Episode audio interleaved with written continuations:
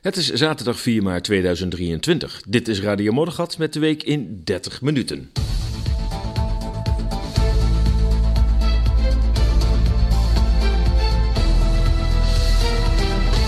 En dan zijn we dan weer met een verse uitzending van Radio Moddergat met onder andere Laurens Buis. Op bezoek bij de podcastmaker eh, Peter van Asselt met de Poppencast. Direct meer. China zegt tegen de Verenigde Staten: het wordt tijd dat je wat aan soul searching gaat doen. En eindelijk is die maskenwaanzin in Duitsland voorbij. In Berlijn moeten senioren plaatsmaken voor immigranten, jawel. En wat je van waarschuwingslabels dat er mRNA in je sla zit? En natuurlijk eindigen we deze uitzending weer met verhalen van de gewone Rus. Ja, Peter van Asselt, misschien ken je hem niet. Uh, hij is uh, podcastmaker, heeft een hele eigen manier van uh, podcast maken. Ik heb zelf ook twee keer de eer gehad om bij hem in de podcast gast te zijn. Het Poppencast is met, ik zeg het ook bewust op zijn Engels, want cast is met een Cornelis, een C geschreven. En onlangs had, uh, had Peter de spraakmakende Laurens Buis op bezoek. U weet wel, de wetenschapper die uh, aan alle kanten gecanceld wordt in de Universiteit van Amsterdam. Uh, een beetje woke university zou je kunnen zeggen, maar helaas niet de enige. Hij wordt ja, vanwege zijn kritiek op woke en, en, en dat soort zaken wordt hij behoorlijk op de huid gezeten. Ehm, het gaat dat hele gesprek, het is twee uur, maar een, heel boeiend gesprek ook over zijn persoonlijke leven en hoe die überhaupt uh, ja, zo in de, in de oppositie is geraakt binnen de Universiteit van Amsterdam. Um, ja, het, de kern schijnt te zijn zijn opmerkingen over het non-binair zijn. Hij zegt, ja, dat bestaat helemaal niet. Dus uh, als we straks uh, een heel gebouw van filosofie en gedachtegoed gaan opbouwen rond het begrip non-binair, een begrip, ja, het woord zegt het al, non, um, gaan opbouwen rond dat begrip non-binair. Ja, wat heb je dan? Dan heb je, heb je een pseudo-wetenschap. En uh, bovendien zegt hij ook, ja, sowieso dat hele onderwerp rond woke en gender. En hij zegt natuurlijk zijn er mensen die, um, die problemen hebben met hun gender. Hij zegt dat is gewoon aangetoond. Dus, dus daar, daar is geen discussie over. Dat, dat kinderen soms al op vroege leeftijd merken dat ze in het verkeerde lijf zitten. Dat kinderen op het moment ze kunnen praten er al over beginnen. Hij zegt, maar dit is een hele kleine minderheid. Je praat misschien over een procent, anderhalf procent, sommigen zeggen twee, alles bij elkaar opgeteld. Um, ja, dat je, dat je daar zo'n hele samenleving dag in dag uit mee confronteert en daar zo'n enorme cancelcultuur op zit, als je daar iets van vindt, ja, dat is waar hij uiteindelijk uh, uh, tegen uh, strijdt. Ja, in dit uh, interessante gesprek dus met uh, Peter van Asselt, ja, gebeurt dat wat, wat eigenlijk veel vaker zou moeten gebeuren. Met elkaar in gesprek gaan. Uh, proberen dichter bij elkaar te komen. Te luisteren. En ja, de waanzinnigheden uit onze hoek van het, ja, uit onze kant van het debat zien te halen. Um, ja, dat, dat, dat, dat was met COVID natuurlijk al. Het lijkt wel of het met COVID enorm is aangescherpt, die polarisatie.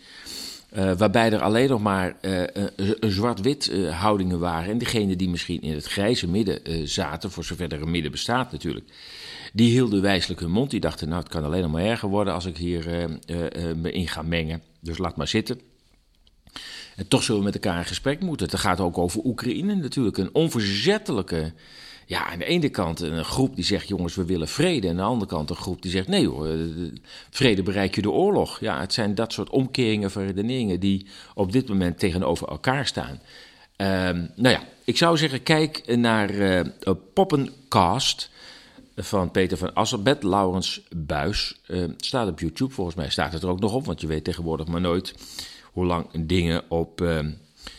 Uh, op de staatskanalen uh, staan. Uh, langzamerhand kun je wel zeggen dat uh, YouTube weliswaar geen Nederlands staatskanaal, maar een Amerikaans staatskanaal is. Ja, we gaan even naar China.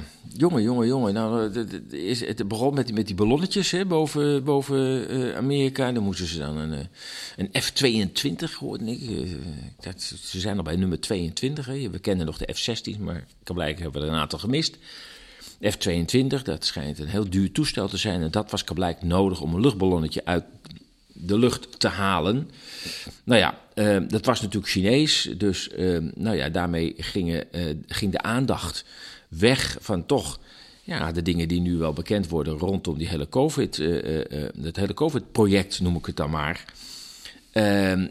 En ja, de focus moet langzamerhand gericht worden op China. Want het lijkt erop alsof Amerika nu uh, denkt van... nou ja, na Oekraïne hebben we nog wel een, uh, een uh, land op ons lijstje staan. Dat is, dat is China.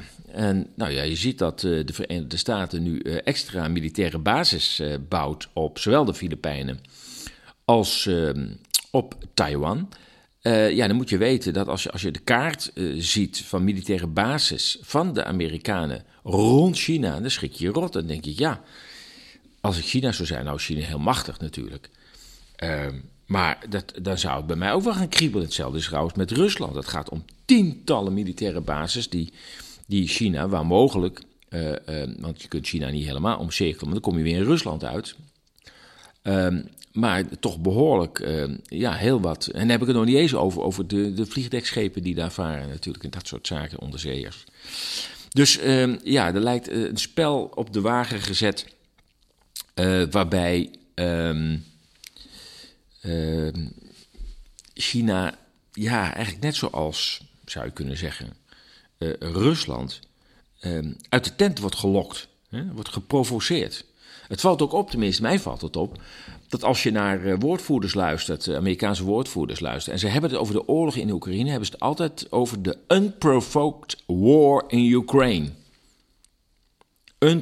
Het feit dat ze elke keer dat woord ervoor zetten, dat geeft aan dat zij ook wel weten, het is helemaal niet, niet geprovoceerd. We hebben het geprovoceerd, maar we moeten bij veel mensen tussen de oren zien te krijgen dat het niet geprovoceerd is. Maar het feit dat ze dat altijd zeggen, geeft wel aan dat zij ook wel weten dat zij jarenlang hebben gewerkt aan het uit de tent lokken van, de, van Rusland. Maar de Chinezen hebben afgelopen twee weken een document uh, bekend uh, gemaakt. Ze hebben een vredesvoorstel gedaan voor Oekraïne overigens. Ik, ik, er zijn hele tegenstrijdige berichten over, maar de BBC meldde laatst nog dat Zelensky... Uh, ja, hij werkt ook altijd in opdracht, maar goed, we noemen het dan maar even Zelensky... genegen zou zijn om met Xi Jinping om de tafel te gaan over dat Chinese vredesvoorstel. Laten we hopen dat dat bericht uh, klopt en dat er ook iets uit gaat komen. Maar goed, ondertussen heeft China ook nog een ander document uh, uh, vrijgegeven. En daarin heeft ze zich heel uitgebreid en kritisch uitgelaten over de Verenigde Staten. Um, Daarin hekelt zij, de Verenigde Staten, om haar voortdurende inmenging in de interne aangelegenheden van andere landen. Haar streven naar hegemonie, het bevorderen van subversie eh, en infiltratie en moedwillig oorlogen voeren. Waardoor de internationale gemeenschap schade wordt berokkeld, zegt China. Ja, het lijkt erop, uh, althans dat, die vraag kun je je stellen, maakt China zich op voor een confrontatie met de VS en dient dit document dan als een soort legitimatie? Want niet eerder heeft China zo hard uitgehaald naar de Verenigde Staten. En de Verenigde Staten lijkt met Oekraïne na 20 jaar, na 9-11, 20 jaar oorlogsvoering en CIA-operaties zijn hand misschien nu toch te hebben overspeeld. China trekt nu duidelijk een streep. En ik, ik zal een paar dingen uit dat, uh, uit dat rapport halen van de Chinezen. Overigens, dit bericht, de, berichten die ik hier bespreek, de meeste berichten die ik hier spreek, staan ook op ezas.nl. Dat spreekt voor zich. Nou, eh, een aantal onderwerpen die zij bespreken uh, is bijvoorbeeld bevordering van democratie en vrijheid. Dan tussen aanhalingstekens, want dat is niet wat de Verenigde Staten doet als ze met bommen op je afkomen. Kleurenrevoluties, meten met twee maten, militaire overmacht van de VS, de macht van de Amerikaanse dollar en de misbruik van COVID, hè, wat, wat de Amerikanen tijdens COVID hebben gedaan. Dan gaat het natuurlijk nog over technologische overmacht, over de Amerikaanse media-industrie en uh, de multipolaire wereld die de Verenigde Staten dus absoluut niet wenst. Dus dat zijn uh, de onderwerpen, en het is een uitgebreid document. Uh, ja, ik moet zeggen, het is wel uh, herkenning wat je daar allemaal leest. Ik denk, ja, dat is, dat is toch wel herkenbaar en ook denk ik wel waar. ik herken dat ook vanuit andere bronnen. Nou, als we gaan uh, naar bijvoorbeeld kleurenrevoluties, uh, dat wat uh, aan de, aan, ja, grondslag ligt aan de ellende in Oekraïne. Hè, Maidan, dat werd als een soort eh, revolutie van de jeugd, werd dat gepresenteerd. Hè. De, eh, de Biden kwam daar, uh, Newland, Victoria Newland, maar ook Europese types als Guy Verhofstadt, man met wat belangen geloof ik in de Donbass. Hans van Balen, Weilen Hans van Balen was daar. En die stonden daar de jongeren op te jutten van jongens, kom bij de Europese Unie, hè, het paradijs wacht en wij zullen jullie steunen. Nou, het geeft dus natuurlijk al aan dat alles wat er nu plaatsvindt natuurlijk al lang in de pen zat. Maar ja, goed, daar stonden dus heel veel jongeren op dat Maidanplein. Ik heb het nog niet over de verschrikkelijke, uh, het geweld wat daarna losbarstte in, in Kiev. Maar van die jongeren zijn er inmiddels al naar schatting tussen de 2 en 300.000 gesneuveld. En natuurlijk door Russische uh, artillerie, laat dat duidelijk zijn. Hè? Maar um, het is een oorlog die absoluut onnodig is. En ja, de onruststokers, de, het Westen, onder leiding van de Verenigde Staten, hebben wel wat te verantwoorden. Goed, kleurenrevoluties. Daarover zegt de nota, ik citeer. De Verenigde Staten hebben een hegemoniaal draaiboek ontwikkeld om kleurenrevoluties te enseneren, regionale geschillen aan te wakkeren en zelfs rechtstreeks oorlogen te ontketenen onder het mom van bevordering van democratie, vrijheid en mensenrechten. Vasthoudend aan de mentaliteit van de Koude Oorlog hebben de Verenigde Staten de blokpolitiek opgevoerd en conflicten en confrontaties aangewakkerd. Zij hebben het concept van nationale veiligheid overschreden, misbruik gemaakt van exportcontroles en unilaterale sancties aan anderen opgelegd. Zij hebben het internationale recht en de internationale regels selectief benaderd. Rule-based order, hè, heeft de Verenigde Staten het over. Rule-based order, dat zijn dan wel hun rules, dat mogen duidelijk zijn. Goed, ik ga verder. En deze naar eigen goeddunken toegepast of verworpen. En ze hebben getracht regels op te leggen die hun eigen belangen dienen in naam van de handhaving van een op regels gebaseerde internationale orde. Rule-based order.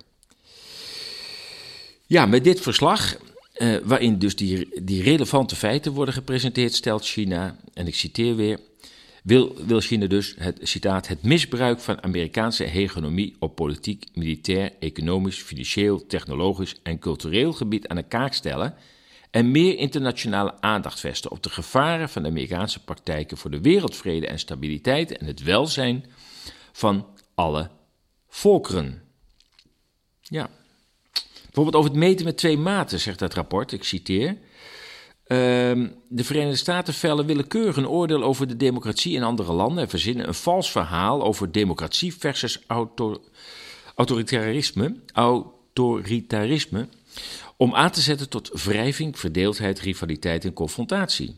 In december 2021 organiseerden de Verenigde Staten de eerste top voor democratie die door vele landen werd bekritiseerd en bestreden omdat zij de geest van de democratie bespotten en de wereld verdelen. In maart, deze maand dus, zullen de Verenigde Staten opnieuw zo'n top voor democratie organiseren, die onwelkom blijft en opnieuw geen steun zal vinden, al dus China. Ja, over de uh, Amerikaanse dollar uh, zegt dat rapport ook nog een aantal hele interessante uh, observaties. Um, ja, dat moet je me even, even lezen. Het gaat onder andere om uh, senoriage. Ik moet even kijken of ik dat goed uitspreek. Senoriage. Oftewel, dat is een fenomeen waarbij je als land zelf heel goedkoop je bankbiljetten kunt drukken. Maar dat het buitenland, om zo'n bankbiljet te krijgen, de echte, althans de voorgeschreven waarde moet betalen. om een voorbeeld te noemen, uh, is bijvoorbeeld een voorbeeld. Het kost slechts 17 cent om een biljet van 100 dollar te produceren. Maar andere landen moeten 100 dollar aan werkelijke goederen ophoesten om er eentje te krijgen. Meer dan een halve eeuw geleden werd erop gewezen dat de Verenigde Staten zonder gewetensvroeging exorbitante privileges genoten en tekorten veroorzaakten die door hun dollar werden gecreëerd.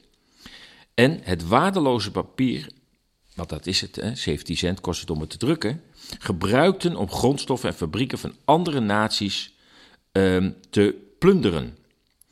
En een oud-minister van Richard Nixon, ook een uh, tamelijke boef, uh, John Connolly, die zei: De dollar is onze munt, maar het is jullie probleem.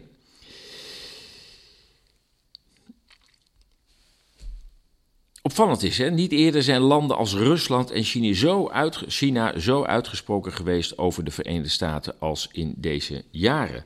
De door de VS uitgelokte oorlog met Rusland lijkt de bekende druppel te zijn. Ook het onder president Poetin en Xi Jinping gegroeide vertrouwen in eigen kunnen hebben de angst voor VS doen afnemen. Dat is even mijn beschouwing van, dat, van deze notitie.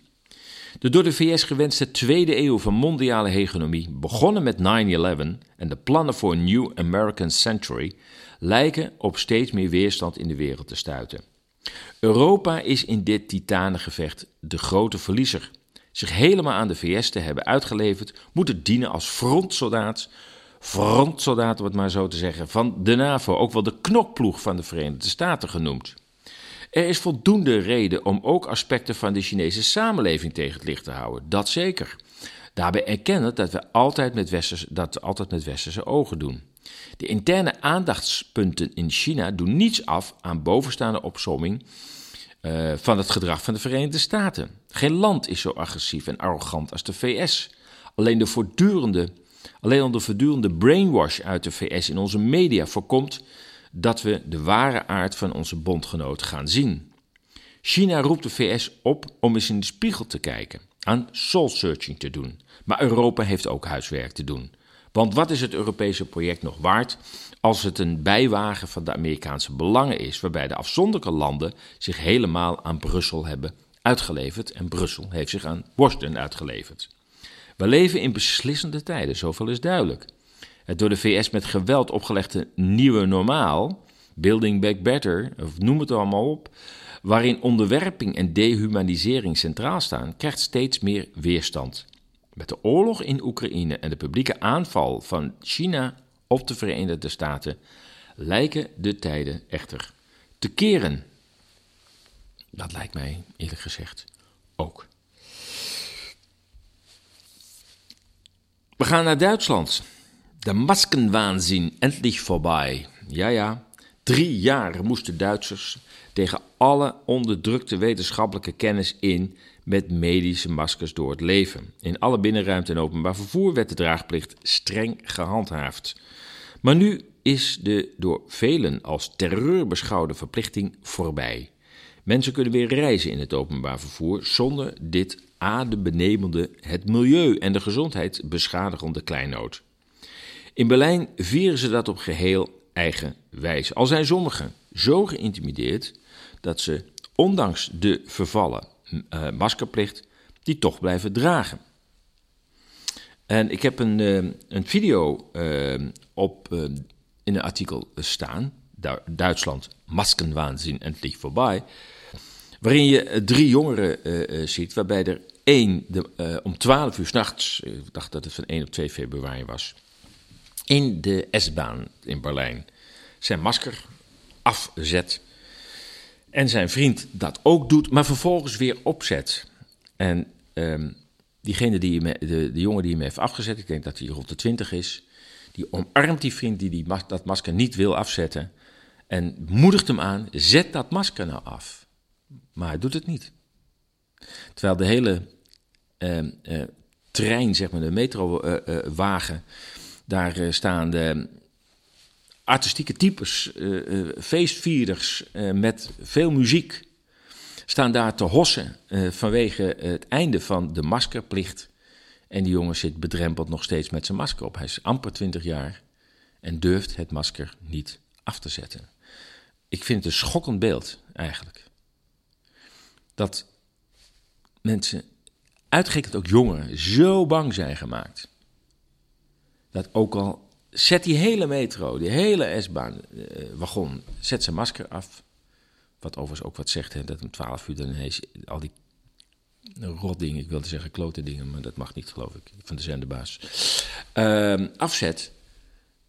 Dat toch die, die jongen van amper 20 jaar dat masker niet durft af te zetten. Ik, ik vind het echt verschrikkelijk uh, uh, om, om te zien. Ja, in Duitsland was er eigenlijk al heel snel trouwens uh, um, sprake van een plicht tot het dragen van een, uh, een mondkapje. In COVID-Duits heet dat mond- und nasenschutz. En nergens werd de angst voor het virus zo hoog opgevoerd als bij onze oosterburen. Net zoals bij ons werden dagelijks de doden en besmettingscijfers in de huiskamers geslingerd. En zoals in veel landen waar kranten, radio, televisie en niet te vergeten de talloze internetsites drukdoende de angst tot maximumhoogte op te voeren. Waarom de angst in Duitsland meer post vatte dan in veel andere landen, dan in veel andere landen, en zeker vergeleken met ons land, is omdat eh, Duitsers van karakter meer angst in zich dragen en meer zekerheid zoekt. Het glas is bij de Duitsers eerder half leeg dan half vol. Weersvoorspellingen zijn altijd aan de sombere kant. Ik ben veel in Berlijn geweest en nou ja, eens even horen wat het nieuws is, of uh, in ieder geval wat het weer doet. En dan weet je één ding zeker, ze zeggen dat, uh, dat het gaat, uh, flink gaat regenen, dan denk je, nou, misschien zal er een buitje vallen. En waarschijnlijk merk ik er ook niks van. Het is altijd heel somber. Nou ja, dat de Duitsers gezag, gezagsgetrouwen zijn, is zeker een andere factor. Maar die angst zit ook heel diep in. Kinderen worden opgevoed met, met, met sprookjes waarin nogal wat gruwelijkheden voor komen. Ik geloof dat een van die sprookjes de Zwatse, de Zwatse Peter heet. Waarin stoute kinderen bij stoute kinderen de vingers worden afgeknipt. Nou ja, dat soort dingen. Daar worden, daar, ik weet niet of dat nu nog zo is, maar tot een jaar of 10, 20 geleden werden kinderen nog zo opgevoed. Angst. Toch is er ook een andere kant aan het Duitse karakter. Een deel van de Duitse bevolking kwam al snel na de start van COVID in de benen. Met grote moed en inzet en de machtige overheid trotserend werd in elke stad week in week uit gedemonstreerd. Ik heb ook een link naar een, een, een actuele demonstratiekalender uh, in dit artikel staan. En dan weet je niet wat je ziet. Het gaat dag in dag uit, wordt er in Duitsland gedemonstreerd. Elke dag. Het is onvoorstelbaar hoeveel demonstraties er zijn. En we krijgen er niets van mee. Goed, nou ja, de aftrap voor die deze demonstraties werd natuurlijk in augustus 2020 gegeven met twee grote demonstraties. Ik was bij de tweede van 29 augustus 2020 was ik erbij en ik uh, geloof dat er nog iets van tussen de 5 en 800.000 mensen meer waren. Sommigen zeggen zelfs een miljoen. En um, nou ja, ik, ik, zou zeggen van, uh, bekijk even de, de video, die heb ik hier uh, staan. Nou ja, ik, ik, ik, doe geen geluidsclips meer, maar...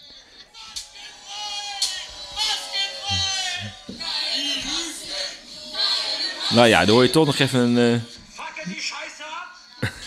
Uh... ja, oké. Okay. Goed, ik zou zeggen, bereid die video maar even. Uh, het is duidelijk dat uh, de Berlijners natuurlijk opgelucht, letterlijk, ademhalen. Na een uh, verschrikkelijke periode waarin ehm, ja, drie jaar lang die medische maskers werden voorgeschreven. We blijven even in de Berlijn. Senioren in Berlijn, in een bepaald ehm, tehuis, moeten het veld ruimen voor immigranten. De aanhoudende stroom van vluchtelingen en immigranten zorgt in verschillende landen voor problemen. Zo moeten in Nederland woningzoekenden toezien dat hun gedroomde woning uh, naar, nieuwe, naar een nieuwe Nederlander gaat. Ook worden studenten uit hun onderkomens gezet ter behoeve van het huisvesten van vluchtelingen, immigranten. In Duitsland wordt inmiddels een bejaardenhuis ontruimd om nieuwe Duitsers op te vangen. En dat leidt tot grote verontwaardiging. Ja, in Berlijn is bij 110 bewoners van een bejaardentehuis onverwacht de huur opgezegd. Dit om vluchtelingen en immigranten te huisvesten. Dit meldt het Duitse magazine Focus. De exploitanten, de verhuurders zijn notabene kerkelijke instellingen die behoren tot de Berlijnse diaconie. De reden is dat door overheidssubsidies het onderbrengen van vluchtelingen en immigranten veel lucratiever is dan bejaardenzorg. Het gaat om Wonen und Pflege Schillerpark in, in de Berlijnse wijk Wedding. Het verpleeghuis is destijds ontworpen als een samenhangend zorgcomplex met de ambulante zorgafdeling en de seniorenwoning van het Paul Gerhard Stift, Stichting. Het pand werd in 2006 gehuurd van dus de Paul Gerhard, uh, Gerhard Stift. En volgens de Johannes Stift, het zijn nou twee stichtingen, de een verhuurt aan de ander, allebei kerkelijke instellingen. Volgens de Johannes Stift bedroeg de minimale huurperiode 25 jaar, inclusief de optie tot verlenging. Echter al na 10 jaar liet het Paul Gerhard Stift weten het pand op termijn voor eigen gebruik terug te willen. Dat, dat kan dus. De beide stichtingen komen nu met tegengestelde verklaringen naar buiten. Zo zou de Johannes Stiefdiaconie het huurcontract hebben opgezegd. Bovendien zou er geen, helemaal geen sprake zijn van gewenste eigen gebruik van het Paul Gerhard Stift, maar alleen van de sluiting van het verpleeghuis. De oplopende ruzie heeft de senioren overigens niet geholpen. Een deel van de bewoners is al op straat gezet en op de bovenste etage van complex zijn de eerste vluchtelingen geplaatst. De anderen moeten de flats eind 2023 hebben verlaten. Ondertussen uh, zijn dus de eerste vluchtelingen op de twee bovenste etages, uh, dat heb ik net gezegd, uh, zijn er ingetrokken. Er is ook een video uh, van uh, beschikbaar als je die wil bekijken in het artikel. Nou ja, de publieke verontwaardiging is natuurlijk groot. Zeker bij het zien van huilende bewoners die een meubilair in gereedstaande containers zagen verdwijnen. De ruzie over huurvoorwaarden en de wens tot eigen gebruik is over al langer geschild tussen beide stichtingen. Het resultaat is echter dat mensen die dachten hun laatste levensjaar in rust te kunnen doorbrengen, nu op zoek moeten naar een nieuwe plek. En dan ben je 80 jaar en dan moet je nog gaan verhuizen. De strijd en haar gevolgen voor de bewoners hebben in elk geval weinig van doen met kerkelijke liefdadigheidsgedachten. Geld blijkt ook hier het sterkste argument te zijn. Ja, zo zie je maar weer, hè. Echt verschrikkelijk. mRNA, we komen er voorlopig nog echt niet uh, van af. De spuiten mogen waarschijnlijk wat meer naar de zijlijn gaan, vooralsnog. Maar uh, de Universiteit van Californië is al de hele tijd bezig om het mRNA in sla te krijgen. Het lukt nog niet helemaal, want mRNA in sla krijgen is één. Maar mRNA moet extreem koud bewaard worden. Ja, en als je het in groente gaat doen, en mensen kopen een kopje sla en leggen dat gewoon op het aanrecht. Ja, dat is daar gewoon uh, 15 tot 20 graden. Dan verdwijnt het mRNA, eh, mRNA uit de sla. En daar zijn ze nu mee bezig om te zorgen dat de mRNA wel in de sla blijft. Het lijkt een ongeloofwaardig bericht dat men dat aan het doen is, maar in de nabije toekomst kunnen inderdaad vaccins worden verwerkt in het voedsel. Een nachtmerrie voor hen die geen behoefte hebben aan opgedrongen vaccinatie en al helemaal niet dat mRNA. Toch is dat waar de Universiteit van Californië aan werkt. Sla als mRNA-vaccinfabrieken. Ondertussen wil de Amerikaanse staat Tennessee dat er een label op voedsel komt als daar vaccins in zijn verwerkt. Nou, lees het artikel op, uh, op de website. Uh, daar staat, uh, wordt ook uh, behoorlijk goed gelezen, dat kan ik me voorstellen. Het is ook een beetje angstaanjagend verhaal, vind ik zelf. Ehm, er wordt ook verwezen naar de website van de Universiteit van Californië. Kun je dus gewoon zien dat ze daar mee bezig zijn. En op de lokale zender MSM V4, een televisiekanaal in Tennessee, uh, daar, die video staat er ook op. En dan kun je zien dat men daar dus het publieke debat nu voert. Van ja, als er straks mRNA ongezien in ons voedsel wordt gepropt. Nog los van fijngemalen meelwormen en krekels. Ehm, ja, dat moet er dan toch wel met een soort gevaren driehoek opgezet worden. Nou ja, daar is de het laatste nog niet over uitgevochten. Ehm, het ziet er ook naar uit dat er staten zullen zijn die zeggen: we weet je wat, we, we verbieden het überhaupt. We willen het er gewoon niet in hebben. Dat zou ook nog wel eens de uitkomst kunnen zijn. Dat, uh, ja, dat men uiteindelijk zegt dat hele mRNA mag gewoon niet in het voedsel. Maar goed, als het aan de Europese Unie ligt en uh, een Amerikaanse farmacie, dan, uh, dan zal dat er waarschijnlijk wel inkomen. Laatste onderdeel van deze 30 minuten, wat gaat het toch snel hè? Verhalen van gewone Russen. Want wat weten we nou eigenlijk van Rusland? Als we de media lezen, bitter weinig. Berichten komen niet verder dan het Rusland van Poetin, alsof er verder niemand woont. Alsof ook de Russische president niet veel krachten, met niet veel krachten rekening hoeft te houden. Maar kennen we de Rus eigenlijk wel? De Rus in de straat. Hoe kijkt hij aan tegen de turbulente jaren 90 waarin het land door een diep dal ging? In een aantal afleveringen lees ik voor uit het indrukwekkende boek Het einde van de rode mens van onderzoeksjournalist Svetlana Alexievich. In 2015 ontving ze voor dit werk de Nobelprijs voor de literatuur. En terecht. Alexievich laat honderden getuigen aan het woord over het leven tijdens de Sovjet-Unie en na de val van de Sovjet-Unie. Het gaat om daders en hun slachtoffers, aanhangers van Gorbachev en verstokte Stalinisten. Het zijn verhalen van een getraumatiseerd volk in een verdeeld land. In deze aflevering doden. Doden. Ze brachten me naar de commandant. Hoe oud ben je? vroeg hij. Zeventien, loog ik. Ik was nog geen zestien en zo kwam ik bij het Rode Leger. We kregen voetlappen en rode sterren voor op de muts. Geen rood leger zonder rode sterren. We kregen geweren. We voelden ons verdedigers van de revolutie. Rondom heerste honger en epidemieën. Terugkerende koorts, buiktyfus, vlektyfus, maar we waren zo gelukkig. Uit een verwoest landhuis had iemand een piano naar buiten gesleept. Het ding stond in de tuin, druipend van de regen. Herders lieten hun koeien ernaast weiden en sloegen met hun stokken op de toetsen. Het huis was bij een zuidpartij in de fik gestoken, nadat het leeggeplunderd was. Maar wat moest een boer met een piano? Toen hadden we een kerk opgeblazen. Ik hoor nu nog de krijzende oude vrouwtjes. Jongens, niet doen! Ze smeekten ons, omklemden onze benen. De kerk had er 200 jaar gestaan. Een gebedsgezegende plaats, zoals dat heet. In plaats van de kerk kwamen er openbare wc's. Die moesten de priesters schoonmaken. Strontruimen. Inmiddels snap ik wel zoiets. Maar we vonden dat toen leuk. In het veld lagen onze kameraden. Op hun voorhoofd en borst waren sterren uitgesneden. Rode sterren. Hun buiken waren opengesneden, volgestort met aarde.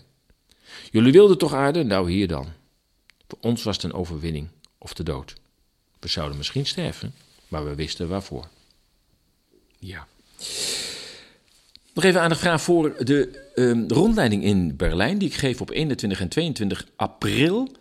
Um, dat is een rondleiding die gaat over de historie van uh, Berlijn, maar vooral geplaatst in de huidige context van de spanningen tussen Berlijn, Washington en Moskou.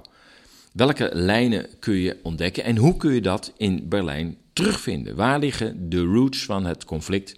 En ik laat je dan een aantal plekken zien en uh, geef daarbij de context. Het is een uh, rondleiding van anderhalve dag, een vrijdagmiddag en een zaterdag, een hele zaterdag. Uh, ga naar de website en ja, ik zou zeggen, ga gezellig mee. Ehm, het is maar voor een beperkt aantal mensen, want ik wil graag in dialoog met de deelnemers door Berlijn. Dus niet een eenzijdig verhaal van ik zal het jullie wel eens vertellen. Maar ik weet zeker dat degenen die meegaan, de geïnteresseerde en over het algemeen goed geïnformeerde luisteraars van Radio Moddergat of lezers van esas.nl, dat die zelf ook heel veel weten van die geschiedenis. En het is interessant om dat met elkaar te delen en om, om te zoeken naar de betekenis en de kern van dat wat er uh, ja, zich nu eigenlijk in Europa afspeelt en de rol van Berlijn daarbij. Goed, je luisterde weer naar de week in 30 minuten van Radio Moddergat. En dit keer van 4 maart 2023.